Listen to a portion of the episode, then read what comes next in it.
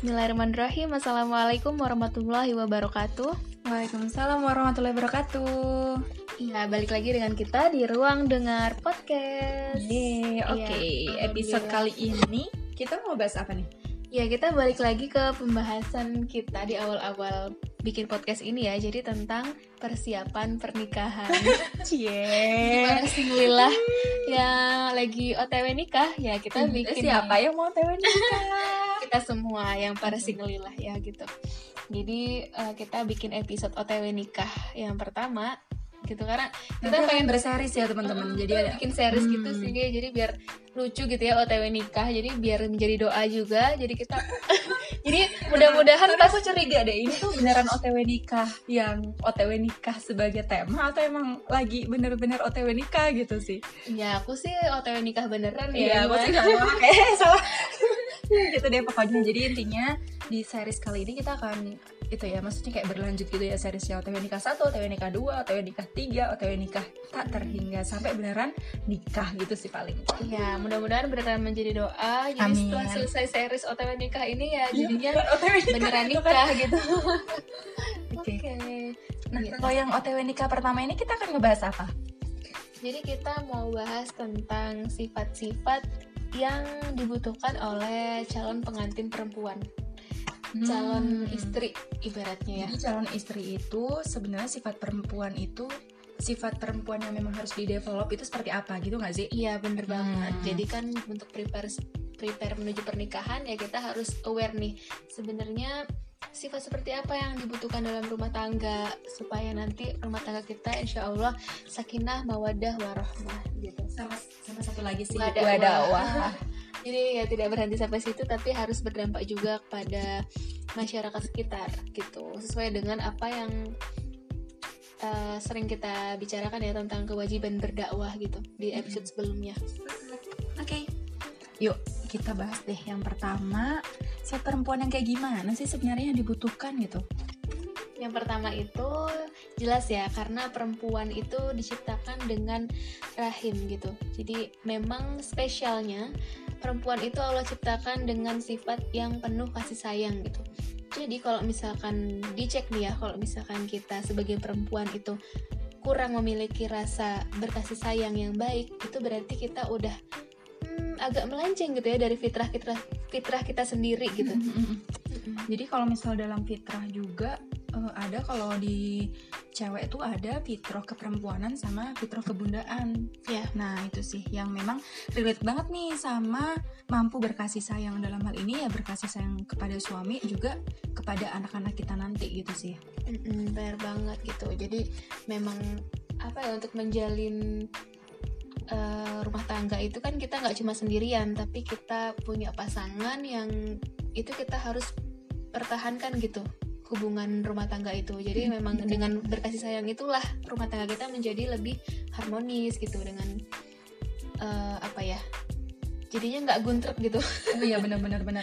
Jadi menenangkan gitu ya. Iya, Nah, tapi. Sekali lagi ya, sekali lagi kasih sayang juga sebenarnya saling ya, harus hashtag saling gitu gak sih? Hmm, jelas. Jadi tapi gimana ya kita saling itu bukannya kita menunggu dari orang, tapi ketika kita memulai dengan sifat kita sendiri berkasih sayang ya insya Allah gitu.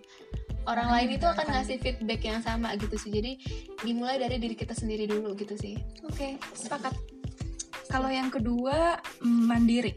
Yang kedua Hmm. itu jelas mandiri gitu ya.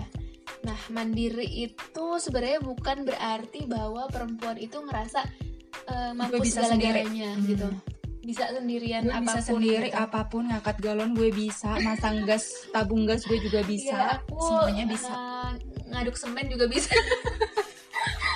Gak se gak sih benar-benar. nggak se ekstrim itu juga sih ya guys. Cuman uh, yang terpenting itu adalah benar-benar terbiasa untuk kita nggak uh, apa ya Berjuang nggak gitu gak sih? apa-apa tuh Orang lain, minta apa bantuan orang lain. Mm. minta apa-apa tuh gampang banget untuk minta bantuan orang lain tapi sebisa mungkin kita tuh ya mengupayakan gitu dengan kemandirian kita gitu sejak single gitu misalkan kita eh, apa ya nggak dikit-dikit hmm, aku nggak bisa nih maksudnya. Gak? nggak bisa untuk pergi ke mana gitu ya. Terus kita minta minta temen gitu. Terus ya pokoknya yang semanja itulah guys. Jadi kalau bisa mungkin tuh kita ya punya lah skill skill skill skill sendiri.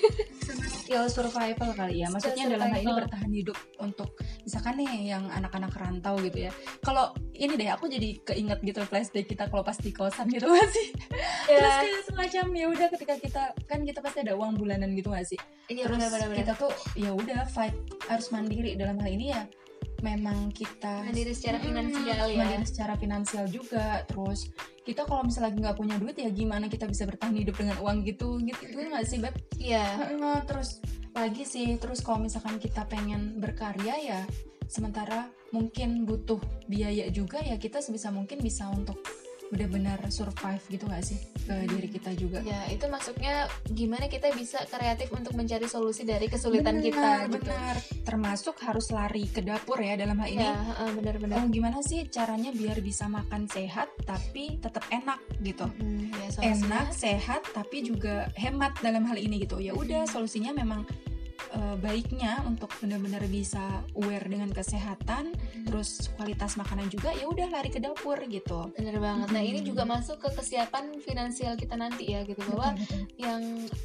uh, mengatur perdapuran itu kan ya rata-rata itu kan seorang ibu ya, maksudnya ma- yang memastikan nutrisi bagi uh, pasangan dan bagi, bagi anak kita itu nanti kan seorang istri dan ibu gitu. Jadi memang sebisa mungkin ya kita atur gitu. Jangan sampai meskipun keuangan kita menipis gitu, tapi, nutrisi kayak- itu harus tetap tercukupi gitu loh benar guys. benar Jadi benar.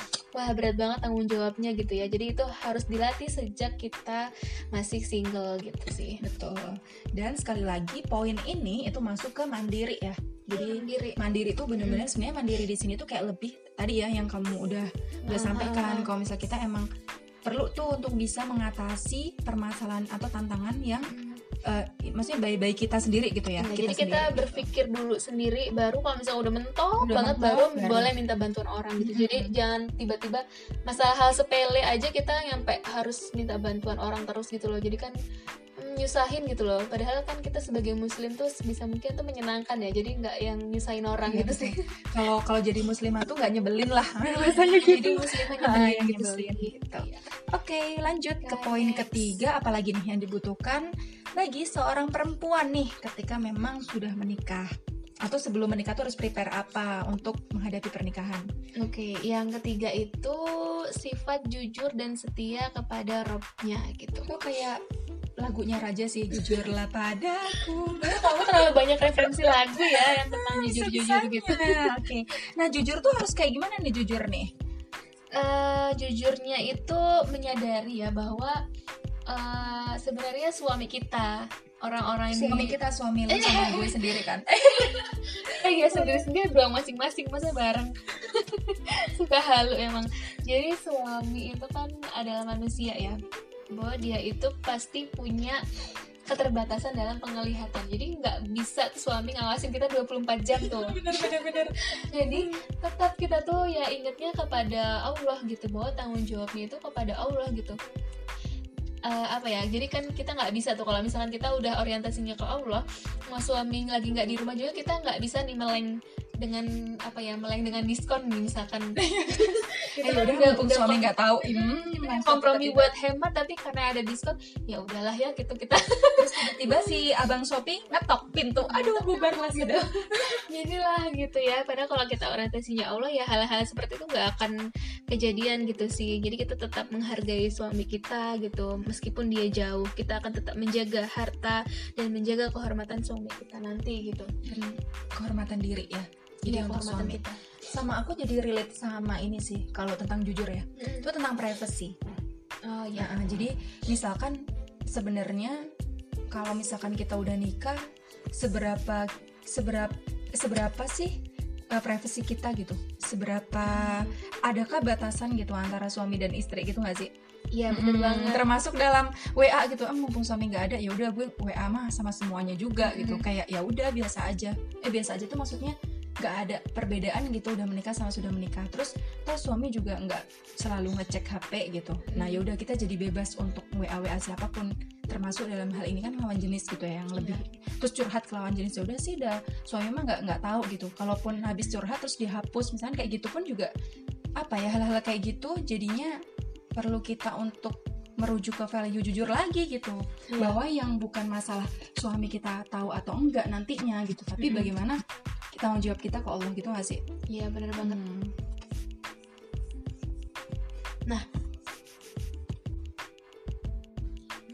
Ya eh, teman-teman maafin banget ya jadi terjeda eh, rekamannya itu kita karena harus sholat isya dulu ya jadi udah azan kemarin teh pas rekaman terus Gitu. pas keadaan langsung hujan deras Iya, masuk jadi suara nggak bisa lanjut lagi. Nah, eh, sebelumnya itu sampai ke poin sifat jujur dan setia ya. Jadi emang tentang privacy itu seperti apa dalam berkeluarga. And then setia itu ya kita bukan hanya kepada pasangan kita tapi orientasinya ke Allah gitu. Mau pasangan kita melihat atau enggak itu kita tetap harus jujur dan setia gitu.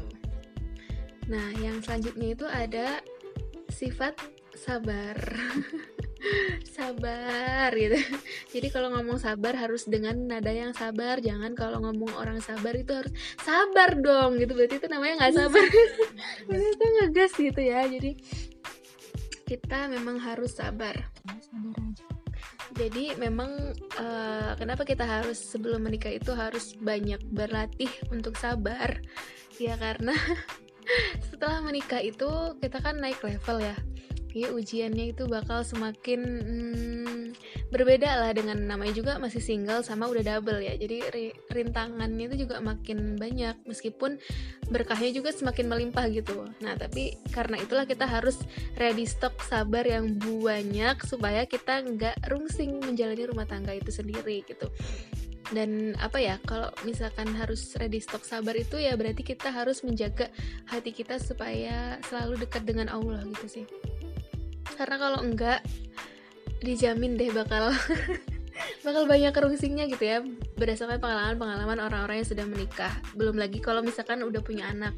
Tahu-tahu anaknya lima gitu kan ya. Terus hmm, pada teriak-teriak uma uma gitu. Anaknya lima terus kita rempong kan nggak bisa ngapa-ngapain gitu. Nggak punya me time. Ya gitulah pokoknya namanya jadi seorang istri dan ibu ya seperti itu jadi harus ready stok sabar yang banyak terus Iya. yang selanjutnya apa nih mbak Dwi Kalau yang selanjutnya eh, lima empati ya, yang kelima tuh empati. Nah, gimana nih empati? Kan kita kalau misalnya udah punya pasangan gitu ya, kan kita nggak nggak cuma mikirin diri diri kita sendiri gitu ya, perasaan kita kayak gimana. Misalkan kayak kalau misalnya pas sebelum nikah kan mungkin kita perlu banget ya untuk memahami diri kita secara kafah gitu ya. Dalam arti keseluruhan termasuk emosi-emosi yang kita rasakan itu seperti apa kita harus jujur sama perasaan sendiri gitu kan. Terus eh, apakah nanti ketika sudah menikah pun akan sama gitu loh? Maksudnya apa kita akan fokus sama perasaan kita sendiri? Lah kalau misalkan pas udah menikah kita fokusin sama perasaan diri sendiri ya nantinya akan akan banyak menuntut pasangan misalkan gue tuh lagi bosen kenapa sih lu kagak ngerti-ngerti juga gitu? Kayak misalkan kayak lebih ke nuntut gitu loh. Hmm. gitu sih. Kalau misalnya kita masih fokus ke diri sendiri itu empatinya. Nah kalau empati kalau ngomongin empati itu kan sesuatu yang kita eh, merasakan apa ya? Kita merasakan perasaan orang lain gitu ya. Nggak cuma merasakan tapi kita juga do something. Dalam hal ini ini diperlukan banget bagi seorang istri. Ingat nggak yang cerita Bunda Khadijah sama Rasulullah? Pas waktu Rasulullah mendapatkan wahyu ya waktu itu kan beliau menggigil sekali gitu ya. Dan bahkan pun ketika Rasulullah habis dari luar gitu ya habis dari luar merasakan guncangan yang sangat besar gitu ya. Tapi ketika di rumah ketika Hadijah membukakan pintu dan melihat apa namanya eh, sosok Hadijah berdiri di samping eh, di depannya itu kayak benar-benar yang kayak luruh gitu loh setengah dari eh, kegelisahan. Nah sebisa mungkin ya kita bisa menjadi sosok yang seperti itu gitu. Dengan empati kita dalam hal ini ya kita memahami perasaan pasangan kita terus habis itu do something gitu sih. Ya, karena gimana ya jangan kita eh, abai gitu dengan perasaan pasangan. Karena itu hal yang paling penting dalam eh, berumah tangga gitu. Hmm, betul. Terus kalau misalkan kita bisa hmm, kita latihan deh untuk melatih kepekaan kita terhadap pasa- eh, perasaan orang lain karena kalau kita bisa nebak bukan nebak sih, maksudnya berempati lebih tepatnya. berempati tuh kayak orang bakal ngerasa lebih dimengerti. Kayak misalkan lagi orang tuh lagi kesel tuh kita paham, hmm lagi kesel ya gitu. Misalkan lagi apa, terus kita kan kayak memahami orang itu lagi dalam kondisi apa. Jadi bakalan seneng nggak sih orang tuh kalau dipahami? Ya nggak sih? Mm, jadi kayak bener. Mm, sama yang ini sih sis juga. Kan kalau misal cowok itu lebih cenderung kalau ada masalah itu kan dia sebisa mungkin bisa uh, mengatasi masalahnya sendiri dulu baru nanti dia cerita. Nah mm, sementara cewek tuh maunya tuh kok kamu nggak mau curhat sama aku sih? Kayak gitu gitu loh. Iya padahal sebenarnya ya kita ngasih apa ya kita di ruang empati itu ya memberikan ruang dulu ketika dia memang apa ya menghadapi sebuah masalah ya mungkin dia butuh ruang dulu atau butuh goa gitu ya bahasanya. Butuh goa ya udah kita memberikan eh, empati kita itu dengan cara memberikan ruang kepada dia gitu untuk punya me time me time gitu sih. Terus heeh, setelah memang dia udah selesai tuh dengan me time-nya kita mungkin bisa kayak nyamperin gitu sih. Jadi ruang empati itu ya ya itu tadi gitu. Kita benar iya. merasakan kehadiran emosi orang lain terus habis itu ya kita do something gitu sih Iya, jadi kita paham kapan kita harus benar-benar ngasih dia space atau Mm-mm. kapan kita harus hadir dalam eh, masalahnya gitu. Maksudnya kita memahami gitu bagaimana Mm. perasaan dia. jangan ngegas aja kita teh Intinya jangan karena laki-laki dan perempuan itu diciptakan ya memang sesuai dengan fitrahnya masing-masing. Jadi memang nggak nggak sama gitu ya. Setara itu tidak harus sama gitu sih. Jadi memang ada banyak perbedaan yang harus kita kondisikan gitu. Kita harus saling memahami satu sama lain gitu. Mm-mm. pun ketika nanti kita mendidik anak ya maksudnya empati di sini ya gini empati itu kan membuat kita atau mendorong kita lebih analyze ya menganalisis gitu loh apa yang terjadi terus mencermati perkembangan anak gitu bayangkan kalau misal kita nggak punya empati terus kita cuma fokus sama diri kita sendiri gitu padahal kan dalam hal ini menjadi ibu itu ya benar-benar kompleks gitu ya. Maksudnya em, kita nggak hanya ke pasangan tapi kita juga ke anak. Kita mencermati kita empati pada anak perasaan anak ketika menangis tuh sebenarnya dia kenapa kayak gitu loh. Nah jadi dalam pendidikan keluarga pun empati ini adalah salah satu fondasi untuk kita pada akhirnya tuh mengerti potensi anak dan bisa mengembangkannya gitu. Lanjut deh kayaknya. Lanjut berikutnya yang terakhir yaitu apa ya sifat ingin terus belajar. Jadi memang apa ya eh, sebagai hmm, Khalifah fil art gitu ya kita sebagai manusia itu sendiri memang harus banget gitu punya mental pembelajar. Karena kan dunia itu selalu berubah selalu kita harus selalu upgrade dengan ilmu-ilmu gitu ya. Terus gimana ya nanti ketika udah berumah tangga pun kita harus aware gitu maksudnya dengan kondisi saat ini tuh seperti apa. Kayak misalkan sekarang aja pandemi gitu ya kita harus eh, apa ya terus belajar untuk beradaptasi gitu. Bagaimana kita bisa menstabilkan ekonomi kita dalam eh, di keluarga gitu terus juga bisa hmm, bagaimana pendidikan anak kita ke depannya gitu. Kalau misalkan pandemi gitu ya apakah kita harus eh, homeschooling atau sebagaimana gitu kan. Jadi kita memang harus siap dengan semuanya gitu bahkan memang eh, apa ya kita masih mencari gitu bagaimana solusi yang tepat untuk diimplementasikan ke keluarga masing-masing. Karena semua teori itu memang nggak semuanya bisa diterapin gitu. Jadi kita yang harus pandai-pandai untuk memilah mana yang paling tepat untuk kita aplikasikan gitu sih. Dan itu kita harus banyak-banyak belajar. Aku sepakat banget deh kalau mungkin bahasanya adalah life, lifetime proses jadi proses umur hidup ya menikah tuh. Jadi meskipun kita mungkin uh, udah ta'aruf nih terus habis itu udah proses ta'aruf terus ada ta'aruf keluarga juga gitu tapi tuh ya kita nggak akan pernah kan manusia tuh kan seperti gunung es gitu ya. Jadi yang kelihatan kepribadiannya yang muncul doang gitu yang ujung doang. Tapi ada begitu banyak yang memang di bawah permukaan gitu yang itu udah terbangun gitu selama dia hidup. Misalkan kita menikah di usia 26 gitu ya. Selama 26 tahun ya itu hal yang ditempa sama dia gitu. Sehingga ketemu sama kita. Kita mungkin tahunya di titik ta'aruf itu paling cuma sekitar 20% tapi kan ada 80% yang nggak kita ketahui gitu loh. Jadi ya di situlah kita tetap terus harus mau belajar. Pun tadi udah kamu sampaikan ya bahwa tentang apa tuh teori ya teori. Mungkin hari ini kita sudah merasa bahwa kita udah belajar parenting kita udah belajar memahami laki-laki tuh kayak gimana gitu ya.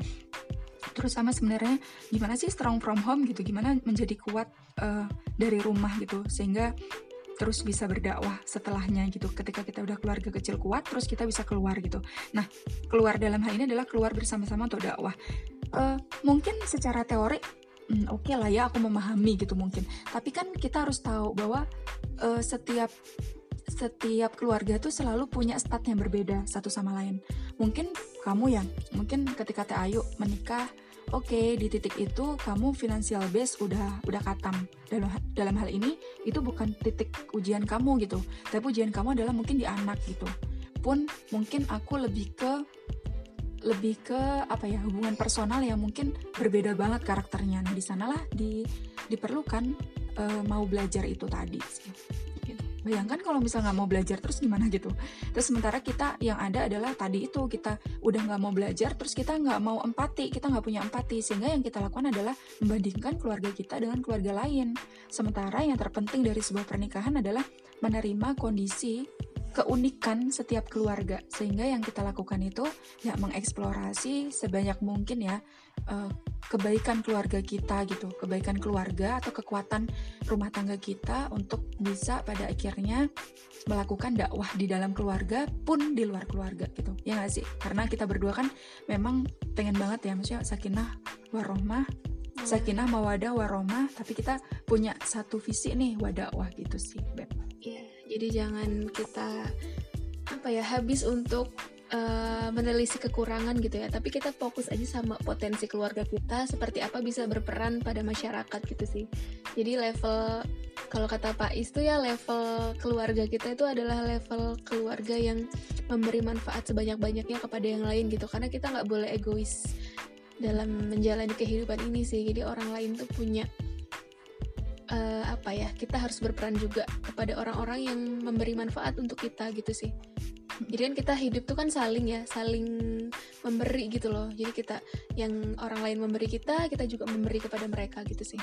Sama aku mau nambahin satu hal deh.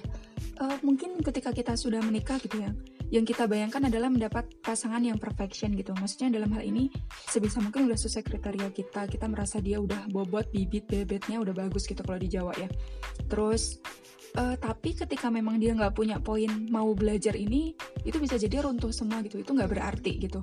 Bobotnya dia nasabnya dia bagus dia high, high achievement gitu. Misalkan dia emang uh, sepertinya memang punya ranah dakwah yang baik gitu. Terus dia juga kayaknya smart juga menjadi seorang uh, dia calon istri yang smart gitu dan sebagainya itu. Tapi ketika dia menghilangkan poin mau belajar itu ya semua itu akan runtuh gitu. Nggak ada artinya nggak akan berharga gitu loh. Why? Karena apa ya? Justru gini loh ketika kita emang merasa sudah mampu di sanalah kita berhenti belajar. Dan seben sebenarnya ketika kita berhenti belajar di sanalah kita di titik kita itu kapasitas kita nggak naik gitu loh. Sementara ketika menikah ngerasa nggak sih kalau itu apa ya itu tuh bener-bener madrasah kita gitu. Istri maupun suami untuk menaikkan level kapasitas kita. Ya nggak? Gitu. Mm jadi justru buat apa gitu? Misalnya kita dapat suami yang sangat perfect tapi dia nggak pernah mau belajar ya pada akhirnya kita akan bentrok terus gitu. Karena apa ya dua orang yang dua orang yang disatukan dengan pola pengasuhan yang berbeda sebelumnya. Terus selama 26 tahun dia ditempa dengan lingkungan yang berbeda. Mau sekeren apa pun orang itu atau mau sekeren dua orang keren itu bersatu gitu paham gak sih maksudnya ada satu orang keren satu orang keren bersatu gitu. Tapi kalau ketika keduanya itu nggak pernah dileburkan dengan uh, karakter mau belajar ini ya pada akhirnya tetap aja bentrok gitu. Tetap aja kita justru kayak ngerasa punya ego masing-masing gitu loh intinya kayak merasa ya udah perfect gitu maksudnya udah udah bagus. keren, uh, gitu. jadi kayak tidak menerima saran dari orang lain gitu. Padahal kan kita jelas ya pasti nggak perfect gitu manusia gitu. Pasti ada kurangnya ada salahnya gitu. Jadi dengan kita mau mendengarkan terus mau menerima saran itu udah titik yang baik gitu untuk kita terus belajar terus mendevelop diri kita gitu sih. Nah terus mungkin kita review ya uh, uh, udah ya udah ya uh, itu aja sih. jadi tadi ada 6 6 poin yang merupakan sifat perempuan yang dibutuhkan gitu ya ketika sudah menikah. Yang pertama mampu berkasih sayang, yang kedua mandiri, yang ketiga jujur dan setia, yang keempat sabar. Kan katanya kamu kalau ngomong harus sabar. sabar. Terus habis itu yang kelima empati, terus yang keenam mau belajar. Itu tadi 6 poin yang semoga gitu ya buat kita yang bahasanya beruntung kok kita belum menikah terus kita sudah mengetahui materi-materi penting gitu ya sebelum menikah justru ini tuh penting buat kita untuk kita pelajari dan kita latih sebelum menikah. Jangan nunggu menikah dulu baru latihan gitu ya. Masa mau perang tapi senjatanya belum diasah gitu ya? Ke, maksudnya itu tuh justru kayak ya gimana gitu kita mau menang atau kita mau menang dalam menghadapi tantangan keluarga gitu. Sementara kita punya visi dakwah itu tuh nggak logis aja gitu ketika kita pengen pengen ngambil peran berdua gitu ya. Bersama-sama untuk sama-sama dakwah tapi kita bahkan untuk mempersiapkan tantangan keluarga kecil kita sendiri aja kita ya belum ngapa-ngapain gitu nah gitu nggak sih beb Benar, dan sifat-sifat seperti ini tuh adalah sifat-sifat yang nggak bisa tiba-tiba muncul gitu. Jadi harus ada latihannya, riadoh dulu gitu. Gimana ya, kayak misalkan olahraga aja, kita nggak mungkin dong langsung olahraga ekstrim yang macem olahraga atlet gitu ya, untuk atlet gitu. Jadi kita ya harus lari-lari kecil dulu untuk mencapai eh, sifat yang eh, lebih baik gitu. Misalkan sabar tuh sabar yang lebih yang benar-benar sabar, empati itu yang benar-benar peka gitu ya terhadap perasaan orang lain seperti itu sih. Jadi selamat untuk melatih sifat-sifat itu sendiri dan semoga Allah mempermudah kita untuk menjadi muslimah yang jauh lebih baik dari sekarang gitu ya dengan terus mengasah sifat-sifat itu gitu sih. Kami akhiri, mudah-mudahan sharing kali ini bermanfaat. Wassalam apa? Dan jangan lupa untuk episode selanjutnya kita akan membahas tentang ekspektasi. Nah, Hmm. ini nih yang suka berekspektasi ketika sudah menikah. Iya. Nanti kita akan bahas tentang ekspektasi-ekspektasi ya di episode berikutnya. See you. Wassalamualaikum warahmatullahi wabarakatuh. Waalaikumsalam warahmatullahi wabarakatuh.